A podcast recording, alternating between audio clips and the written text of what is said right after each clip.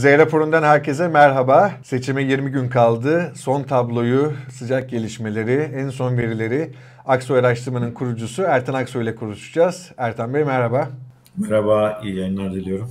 Çok sağ olun. Bu sefer online yapmak zorunda kaldık. Karşılıklı bir zorunluluk kusura bakmayın diyorum. Evet bu seferlik öyle olsun. Bir sonrakinde stüdyoda yaparız tekrar. Hemen konuya geçelim. Şimdi sizin son verilerinizi, en son gelişmeleri konuşacağız ama önce genel soruyla başlamak istiyorum. Sizin hem verileriniz dışında hem de geçen hafta yaptınız. Ondan sonra da gelişmeler oldu. Son sizin gözlemlerinizi de hesaba katarak şunu sormak istiyorum. 20 gün kala tabloda netleşen şeyler ne? Belirsizliğini koruyan şeyler ne? Bir kere netleşen şey şu taraf hepten netleşmiş durumda. Seçmen mevcut iktidarı değiştirmeye çok karar. E, bunu e, sadece işte bir e, bugün seçim olsa hangi partiye oy verirsiniz veya hangi adaya oy verirsiniz sorusunun ötesinde yapılan ölçümlerle gözlemleyebiliyoruz. Dolayısıyla seçmen bir değişiklik için, seçmenin büyük çoğunluğu, tamamı değil elbette ki, değişim için kararlı. Bu değişimin yarattığı ihtimal beklentileri iyileştiriyor. Bu da artık giderek netleşmiş durumda. Dolayısıyla yeni, her yeni gelişme bu mevcut süreci daha güçlendiriyor, belirleyici hale geliyor. Özellikle muhalefetin bu ekonomi politikasına bağlı kalması, ekonomi anlatımına bağlı kalması, geçmişte olduğu gibi salt sorunları tespit eden, eden, dile getiren bir tutumdan öte somut vaatlerle ve doğru vaatlerle toplumun karşısına çıkması muhalefete dair kararlılığı artırıyor. Elbette ki iktidar tarafında da ciddi hamleler var. Özellikle bu işte yerli otomobil üzerinden bir strateji daha fazla güdülüyor. Malumunuz bakanlar farklı kentlerde araçla görüntü veriyor. Aralarında arabayı yıkayanlar var bildiğiniz üzere. Ama bu hamleler iktidarın ihtiyaç duyduğu desteği yaratmıyor. Pek bir şey değişmiyor. Tabii muhalefetin bir diğer avantajı da belki birazdan geliriz. Daha çok kurmayla ve toplumsal karşılığı yüksek olan kurmaylarla bir takım e, oluşturması ve toplumun önüne onlarla çıkması. Mesela dün akşam yayınlanan bir video var. Evet. Kılıçdaroğlu, Sayın Yavaş ve Sayın İmamoğlu var bu videoda. E, videoda e, her üç ismin de görev onayı %55'lerin üzerinde. Dolayısıyla bir, bir, bir tarafta, bir blokta 3 ismin de görev onayının %55'in üzerinde olduğu bir blok var.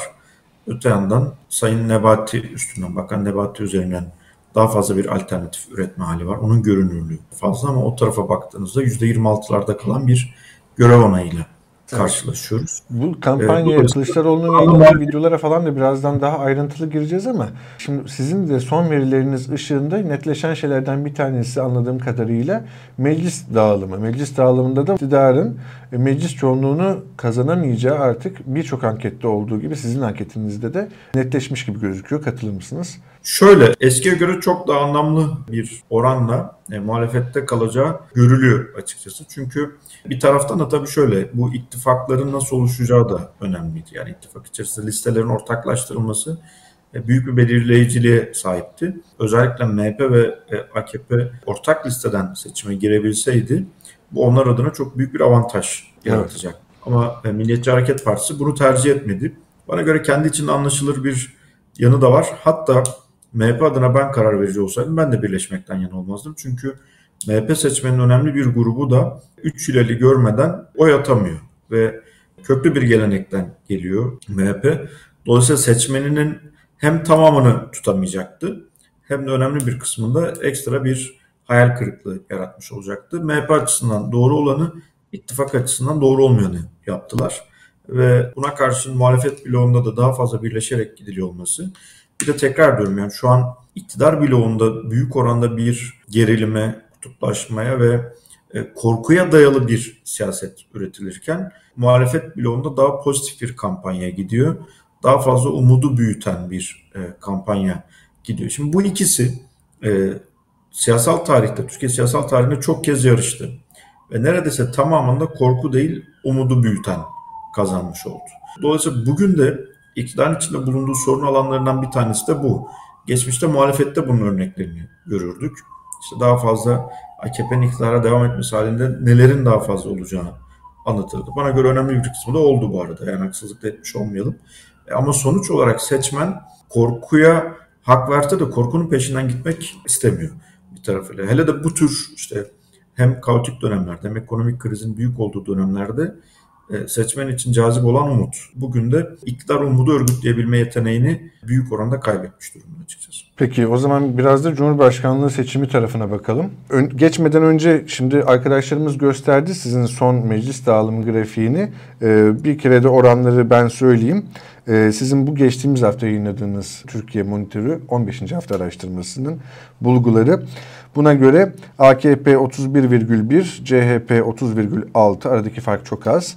Ee, İyi Parti 11,4, HDP 10,5, MHP 7,5 ve diğer partiler 6,4 olarak gözüküyor. Türkiye İşçi Partisi de 2,5 olarak gözüküyor. Ben mesleğimde 17. yılı geride bırakıyorum ve 17 yıl içerisinde Cumhuriyet Halk Partisi'ni bu son araştırmamız hariç hiçbir zaman %30'un üzerinde bulmamıştı. İlk kez %30'un üzerinde bir oy oranını e, gördü bizim şirketimiz ölçümünde. Daha öncesinde %29'a kadar çıkmıştı ama takdir edersiniz ki %30 bir psikolojik eşik de aynı zamanda. Bu eşiğin üzerinde ilk kez son 17 sene içerisinde e, biz ölçümlemiş olduk. E, yine bir ilk de e, Türkiye İşçi Partisi'nin oy oranında karşımıza çıktı. %2,5 e, oy oranını gördü. Bir Sosyalist Parti'nin de %2,5'a ilk kez e, çıktığına tanıklık ediyoruz e, ölçümümüzde. Çok uzak olmayan bir tarihte, geçen yılın son aylarında örneğin tip e, bizim ölçümlerimizde 0.6-0.7 düzeyinde e, karşımıza çıkıyordu. Kademe kademe artarak gelmişti ama en yüksek 1.8 bulmuştuk. Şimdi %2.5 e, düzeyinde bulduk. Meclis açısından baktığımızda muhalefetin güçlü bir bloğu oluşturacağını düşünüyorum açıkçası. Yani çoğunluk kimde kalır derseniz çok büyük ihtimalle muhalefette kalacak. Şimdi hemen Cumhurbaşkanlığı seçimi bulgularına geçelim. Burada da e, tabii ki sürekli birçok anket şirketi e, veri yayınlıyor ama sanıyorum sizinki kadar Cumhurbaşkanlığı seçiminde Kemal Kılıçdaroğlu lehine e, makasın açıldığı e, bir veri benim önüme düşmedi güvenilir anket şirketleri içerisinden. E, bu enteresan bunu konuşacağız ama öncesinde bir, birinci tura bakalım çünkü orada da Muharrem İnce ve Sinan Oğan'ın toplam aldığı oy oranı oldukça fazla çıktı sizde. E, şu an arkadaşlar göstersin grafiği. Ee, Kılıçdaroğlu birinci turda 47,9, Recep Tayyip Erdoğan 38,4, Muharrem İnce 9 puan, Sinan Oğan 4,8 puan. Yani 13,8 toplam Muharrem İnce ve Sinan Oğan. Nasıl değerlendiriyorsunuz bunu ilk tur bulgularını? Sayın Sinan Oğan %4.8 e, son ölçümde bizde. E, bu oranın yaklaşık yarısı İyi Parti'den e, yine yaklaşık yarısı da MHP'den geliyor. Sayın Oğan'a. Sayın İnce için aynı veriye dönüp baktığımızda e, birkaç grupla karşılaşıyoruz. Bunun, e, bu gruplardan dört tanesi AKP, MHP, CHP ve İyi Parti'nin tepkili seçmenlerinden oluşuyor. Bir beşinci grup var.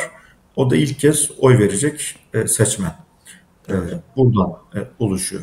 Şimdi burada önümüzdeki günler biraz daha bu iki aday için de daha zor geçecek günler. Çünkü şu açıdan partiler liste tartışmalarını geride bıraktı. Ramazan ayı geride kaldı. Dolayısıyla son kalan 20 gün içerisinde daha canlı, daha güçlü bir e, kampanya yönetecekler ve kalan 20 gün içerisinde de muhtemeldir ki e, bir birleşme yönünde bir strateji kuracak. Yani seçmene sandıkta e, bu işi ilk turda bitirelim, birleşin çağrısı yapılacak. E, ben seçmenin de yani siyasi partiler birleşmeyi beceremedi ama seçmenin de bir birleşme eğiliminde olabilme olasılığını çok yüksek görüyorum. Zaten rutin zamanda da bununla karşılaşıyoruz. Özellikle oy kullanma e, tarihi yaklaştıkça daha e, büyük partiye doğru bir eğilimle karşılaşırız. E, bu kez bir de e, özellikle ilk tur için baktığımızda Sayın Kılıçdaroğlu'nun oyunun %47.9 ölçtük. Yani yaklaşık %48 olarak kabul etsek %2 kalmış durumda. Bu %2 e, bu diğer iki adaya oy veren seçmen grubunun e, anlamlı bir kısmının Sayın Kılıçdaroğlu'na e, destek vermesine dönüştürebilir, dönüşebilir. Ama yine de %50-51 e, kritik seviyeler. Yani bu ifade edildiği kadar o kalan %2'nin e, geçme olasılığı çok kolay değil gibi. Yani muhalefet açısından belki biraz ilginç örnek olacak ama şöyle bakalım. Gündelik hayatta da birçok tüketici işte bir marka veya model bir aracı alıma parası yeter ama her şeyi zorlamasına rağmen bankadaki kredi limitini, birikimini, işte erişebileceği eş dost, borçlanmasını, her şey zorlanmasına rağmen o aracın baz paketine e, gücü yetebilir. Daha üst paketine yetmeyebilir. Aslında onu biraz tarihsel sınırını e, görmüş gibi kabul etmek gerekiyor. Muhalefette de yani 47-48'e kadar geldi ilk tur için ama e, o kalan iki o kadar kolay bir iki değil e, açıkçası. E, o yüzden yine de hala daha veriler bize güçlü senaryonun ikinci tura kalma e, ihtimali olduğunu gösteriyor. E, muhtemeldir ki önümüzdeki günlerde farklı bir sonuçta çıkabilir. Çıkarsa da yine hem sizin ekranınızda hem diğer ekranlarda. Evet. Şu, e, şunu da size söylediklerinize eklemek isterim. Yani sadece sizin bulgularınızda değil e, başka anket şirketlerinde de bir süredir Muharrem İnce'nin oylarının kısa bir süredir diyeyim düşme trendinde olduğu e, söyleniyor. E, üstelik son günlerde özellikle Muharrem İnce'nin görünürlüğü, medyadaki görünürlüğü, sosyal medyadaki görünürlüğü, konuşulurluğu, popülerliği de görece azalmış gibi. Bu da sanıyorum sıcak anketleri bu hafta içerisinde gelecek anket çalışmalarına ve sonrasında yayınlanacak bulgularına yansıyacaktır diye tahmin ediyorum. Ee, öyle Doğru. Size söyleyeyim. Özellikle özellikle sadece siyasette değil, kamuoyu yapıcılarda da bir e, bölünerek gitmeye bir itiraz var. Çok açıktan itiraz ediyorlar ve e, büyük çoğunluğu Sayın Kılıçdaroğlu'ndan e, yana birleşmek yönünde çağrıda bulunuyor. Bir de bunun üzerine e, Sayın İnce'nin yapmış olduğu açıklamalar vesaire sonrasında önemli bir kısmında ya düzeltme yayınlaması ya savunmaya düşüyor olması e, büyüten bir trendten öte aslında daraltan bir e, trendi onun adına ortaya çıkarmış oluyor. Dolayısıyla hangi olasılık yüksek derseniz önümüzdeki kalan 20 gün içerisinde e, düşüş trendi daha güçlü olasılık. Evet. Bu da birinci turda bitme ihtimalini güçlendiren bir faktör. Bir e, olasılık yaratıyor. Evet. Peki bu birinci tur mu ikinci tur mu sorusunun yanıtı önümüzdeki 10 gün içerisinde netleşebilir mi sizce? Çünkü bunun netleşmesi evet. için makasın çok açılması lazım herhalde. Ee, evet yani şöyle bir yani yüzde 50 bulunuyor olması hala araştırmaların hata payı içerisinde olduğunu gösterir. Çünkü biz yüzde iki, yüzde üç hata payıyla ölçümler yapıyoruz. Tam sayım yapma ihtimali imkanımız yok. Ee, bu, bu nedenle de araştırmaların hata payı içerisinde olması nedeniyle gene de kritik eşikler olarak görülüyor. Ama örneğin şöyle olsa aynı ikinci turda e, kalması halinde bu iki adaydan hangisine e, oy verirsiniz sorusundaki aldığımız yanıtlara benzer e, oranlar. Bunu hemen bu arada grafiğini de verelim bu sırada. Evet. E, bu oranlarla karşılaşıyor olsak e, araştırmaların hata payının dışına çıkacağı için kesin olarak muhalefet kazanıyor diyebiliriz öylesi bir durumda. Evet. Yani öyle ki evet e, grafikte de gözüktüğü gibi ikinci tura kalması halinde Kılıçdaroğlu ve Erdoğan'ın e, siz yani yaklaşık 15 puanlık bir fark e, evet, ölçüyorsunuz. 8 puanlık bir fark buluyoruz. Evet. Kılıçdaroğlu 57,4 Erdoğan 42,6. Yani ikinci tura arada, böyle bir sonuç çıkması halinde e, bir tartışma yaratacak bir sonuç değil yani. Evet, e, bu arada şöyle, şunu da ekleme ihtiyacı hissediyorum. E, adaylığı açıklandıktan sonra e, Sayın Kılıçdaroğlu ile ilgili aradaki fark e, hep tamamında önde çıkmıştı bu arada Sayın Kılıçdaroğlu. Aradaki farklar %11, %13, %10 ve %14 e, olarak karşımızda oldu. Dolayısıyla bir 10-14 puan arası bir farkta gezen bir şey var, trend var. E, ve bu şey yani önümüzdeki günlerde ne olur diye sorarsanız bence ikinci tur ihtimalinde 14 e, civarında yine bulma ihtimalimiz söz konusu. Çünkü bunu şuna dayanarak söylüyorum. Açıklanan projeleri de ölçüyoruz. Hem iktidar tarafında hem muhalefet tarafında. E, anlamlı bir farkla muhalefetin vaatleri e, çok daha yüksek karşılık. Örneğin TOK ve işte okullardaki aynı tarihte e, TOG'un daha fazla iktidar tarafından öne çıkarıldığı zaman diliminde muhalefet tarafında çocukların okulda, devlet okullarında ücretsiz beslenme erişimi e, öne çıkmıştı. E, çok büyük bir farkla hatta ezici çoğunlukla okulda çocukların ücretsiz olarak beslenme erişimi TOG'un önünde çıkmıştı. Çünkü aslında TOG toplum için önemli. Ama çocukların ücretsiz beslenmeye erişiyor olması öncelikli. Şimdi dolayısıyla e, birinin önemsiz olduğu anlamına gelmediği gibi diğerinin öncelikli olduğu, acil ihtiyaç olarak görüldüğü e, açık. Bu nedenle de e, önümüzdeki dönemde muhalefetin lehine doğru bir e, makasın hem korunması hem de açılması yönünde bir trend olduğunu söyleyebiliriz. Vaatlerin Peki, e, toplumdaki performansına bakarak bunu söylüyorum. Anladım. Bu çok e, önemli. Sizinle de daha önce hep konuştuk Z raporunda. Özellikle ekonomi odaklı seçmenin algısı. Buna mukabil iktidar ve muhalefet cephesindeki vaatler ve bunun nasıl e, kabul gördüğü. Bir taraftan dedikleriniz çok doğru ve anlaşılır. Ama öte yandan da son geçtiğimiz hafta Twitter üzerinden e, Kemal Kılıçdaroğlu'nun yayınladığı Alevilik üzerine yaptığı video muazzam ses getirdi. Twitter'da gelmiş yani tarihi boyunca en çok izlenmiş video oldu ve çok başarılı bulundu. Her yerde e, takdirle karşılandı. Yani ekonomi odaklı vaatler ve söylemin yanı sıra iktidarın hep kaşımaya çalıştığı kimlik politikasını olumlu bir şekilde kapatan e, yaklaşımı da Kılıçdaroğlu'nun e, herhalde çok başarılı bir strateji ve söylem olarak bu kampanya süresince ve sonrasında tarih kitaplarına geçecektir. Ne dersiniz?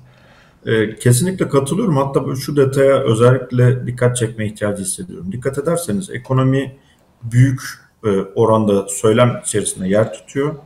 Ama kalan kısmında da e, tam da iktidarın güçlü olduğu alanlarda değil, muhalefetin güçlü olduğu alanlarda bir tartışma yürüyor. O da nedir?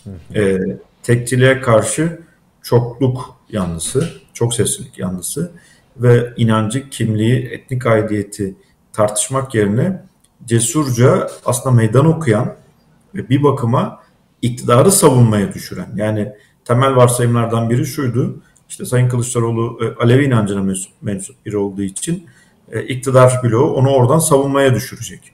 Ama bu cesur ve doğru bir muhatap alarak orada şuna da dikkat çekme ihtiyacı hissediyorum. Gençleri muhatap alarak e, bu açıklamayı yaptı. Yani evet. bir karşılıklı diyalog gibi düşünürsek karşısında gençler vardı.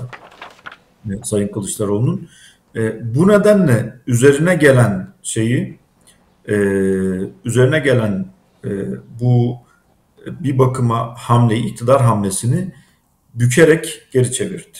Yani eliyle büktü ve iktidara doğru geri çevirdi.